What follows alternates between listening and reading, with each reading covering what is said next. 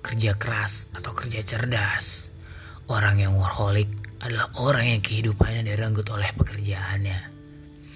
Bahkan waktu senggangnya pun dihabiskan untuk kantor, sampai abdi diri sendiri, keluarga, dan teman.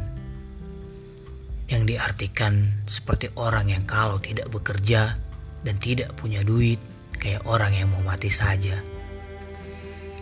Bekerja keras tidak apa-apa, asal seimbang, ikhlas, tuntas, dan cerdas. Dan tidak tertindas semata oleh urusan kantor. Karena hidup ini ibarat bermain akrobat, di mana setiap orang mengalunkan ke udara empat buah bola. Bola pekerjaan, keluarga, kesehatan, dan sahabat. Kita harus menjaganya agar keempat bola itu tetap di udara dan tidak boleh jatuh. Tetapi suatu saat jika situasi mengharuskan melepaskan salah satu di antaranya, maka lepaskanlah bola pekerjaan. Karena pekerjaan hanyalah bola karet. Kalau ia jatuh, ia masih akan melambung dan memantul lagi.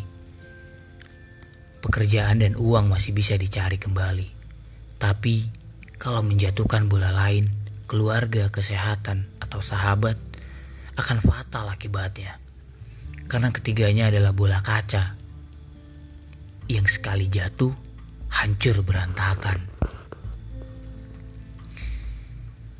Jadi ingat, demi uang dan gila kerja, keluarga bisa terkorbankan, kesehatan terabaikan, sahabat terlupakan yang sekali hilang hancur berantakan, susah dibentuk kembali.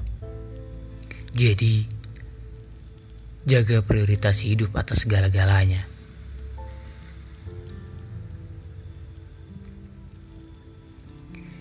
Ibarat kata, daripada workaholic, lebih baik work to holic, seimbang, tuntas, ikhlas, cerdas.